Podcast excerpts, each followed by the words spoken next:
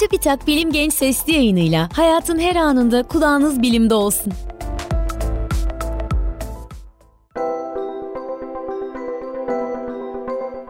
Gençler selam, ben Fatma Gönen, beslenme ve diyet uzmanıyım. Bugün sizlerle yoyo sendromunu konuşmak istiyorum. Duyduğunuz, okuduğunuz veya arkadaşınızın yaptığı bir diyeti kendi bedeninize, metabolizmanıza ve yaşam tarzınıza uygun olup olmadığına bakmaksızın deniyor musunuz? Hızlı kilo veriyor ancak verdiğiniz kiloları aynı hızda geri mi alıyorsunuz? İşte modern toplumlarda obezite ve kilo verme problemlerinin yaygın olmasından dolayı insanların kilolarında ciddi dalgalanmalar olabiliyor. Gerek sağlık, gerekse fiziksel görünümle ilgili nedenlerle her yıl milyonlarca insan çeşitli kilo kontrol yöntemlerine başvuruyor. Ancak bu kişilerin sadece %20'si kilo vermeyi başarırken yine bu kişilerin sadece %2'si bu kiloyu uzun süre koruyabiliyor. Kilolarını koruyamayan kişiler ise tekrar kilo vermeye yöneliyor. Ancak yapılan her başarısız diyetten sonra daha hızlı bir şekilde ve yüksek miktarda kilo alınıyor. Yapılan diyetlerin sonucunda insanların belirli aralıklarla hızlı kilo verip almasına yoyo sendromu deniliyor. Yoyo sendromu ilk defa Kelly Brownell tarafından ortaya konulan bir kavram. Yoyo aslında ipin bir ucundan tutularak oyuncağın yukarı aşağı sallanmasıyla oynanan bir oyuncak.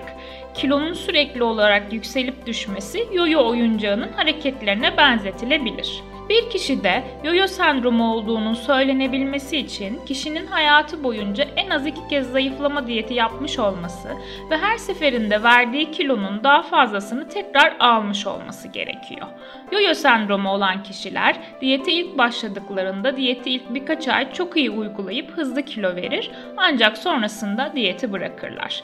Yoyo sendromunun kadınlarda görülme sıklığı erkeklere göre daha fazla.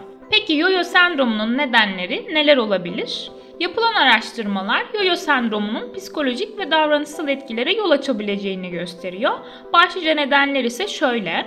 Düşük kalorili diyetlerden sonra oluşan aşırı yemek yeme isteğinin düzenli aralıklarla tekrarlanması, beslenme düzeninin sürekli olarak kilo verme amaçlı olması, insanların kendilerine uygun olmayan diyetleri devam ettirmeye çalışması, egzersizi sadece diyet süresince yapma ve diyet bitiminde tamamen bırakma, psikolojik duygu durum değişiklikleri, bilinçsiz bir şekilde idrar söktürücü ve bağırsakları çalıştırıcı ilaçlar kullanma, zayıflama ilacı kullanma, toplu diyet kampları ve akupunktur ile sürdürülen diyetler bu nedenler arasında. Yoyo etkisi neden zararlı?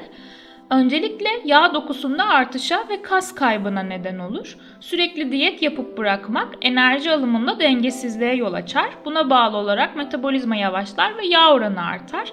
Kısa sürede kaybedilen kilolar kas kaybına da yol açabilir. Bir diğer zararlı etkisi kalp damar hastalıkları riskini arttırabilir. Yoyo sendromunun kalp damar hastalıkları üzerindeki etkisini araştıran bir çalışmada koroner arter hastalığı olan katılımcıların kilodaki dalgalanmalara bağlı olarak kardiyovasküler hastalıklarla ilişkili sağlık sorunları yaşama riskinin daha yüksek olduğu bulundu.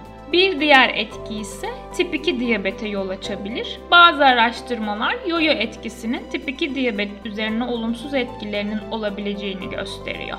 Yapılan bir çalışmada katılımcılar 28 gün boyunca kilo verdikten sonra tekrar kilo aldıklarında çoğunlukla karın bölgelerinde yağlanma artışı olduğu belirlendi. Karın bölgesindeki yağlanmanın vücudun diğer bölgelerindeki yağlanmaya kıyasla diyabet riskini arttırma oranı daha yüksek. Bu nedenle herhangi bir metabolik hastalığınız varsa beslenmenize daha fazla özen göstermeniz hayli önemli. Çünkü kilonuzdaki ani ve hızlı değişmelerin vücudunuzdaki metabolik etkileri olumsuz sonuçlara yol açabilir. Zayıflama ilaçları kullanmak yoyo etkisine neden olabilir. Bu da farklı sağlık problemlerine, örneğin böbrek fonksiyonlarında bozulmaya, kalpte ritim bozukluklarına ve yüksek tansiyona yol açabilir. Bunun sonucunda da fizyolojik ve psikolojik açıdan olumsuz sonuçlar meydana gelebilir. Peki yoyo sendromunu önlemek için neler yapabiliriz? Öncelikli olarak zayıflamak için şok diyetler, hızlı ve mucizevi çözümler aramaktan vazgeçip sağlığınızı korumaya odaklanın. Bir diyete başlamadan önce kendi beslenme rutininizi gözden geçirin. Bu diyet bana uygun mu? Bunu sürdürebilir miyim? Sosyal hayatıma etkileri var mı? Bana iyi hissettiriyor mu? gibi sorular sorarak diyete başlamayı deneyin. Beslenme programınızın sürdürülebilir olmasına özen gösterin. Bunun aynı zamanda yaşam tarzı değişikliği olduğunu kabul edip bunu uygulamaya çalışın. Doğadaki tüm besinlerin sağlıklı beslenme programında olabileceğini, yasakların diyetinizde yer almaması gerektiğini, önemli olanın yeterli ve dengeli beslenme olduğunu kabul edin. Sağlıklı ve ideal zayıflama için egzersiz hayli önemli. Zevk aldığınız ve severek yaptığınız bir egzersiz bulmayı deneyin. Bu sayede egzersiz yaparken keyif alabilirsiniz ve egzersiz sizin için zorunluluk olmaktan çıkıp hobiye dönüşür. Kalabalık sofralarda sevdiklerinizle yemekler yiyin, daha az yiyip daha çok keyif alacağınız ortamlar oluşturun. Besinleri yeme farkındalığıyla tüketmeye özen gösterin. Bedeniniz çok değerli. Ona iyi bakmayı, saygı duymayı ve onu doğru beslemeyi ihmal etmeyin. İhtiyaç duymanız halinde bir beslenme uzmanından destek alıp size özgü sürdürülebilir bir beslenme planı oluşturmak ise en etkili çözüm.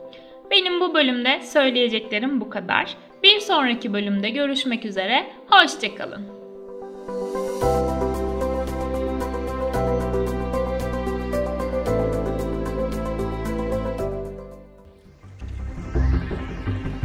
Bilim Genç sesli yayınlarını SoundCloud, Spotify, Google ve Apple Podcast kanallarımızdan takip edebilirsiniz.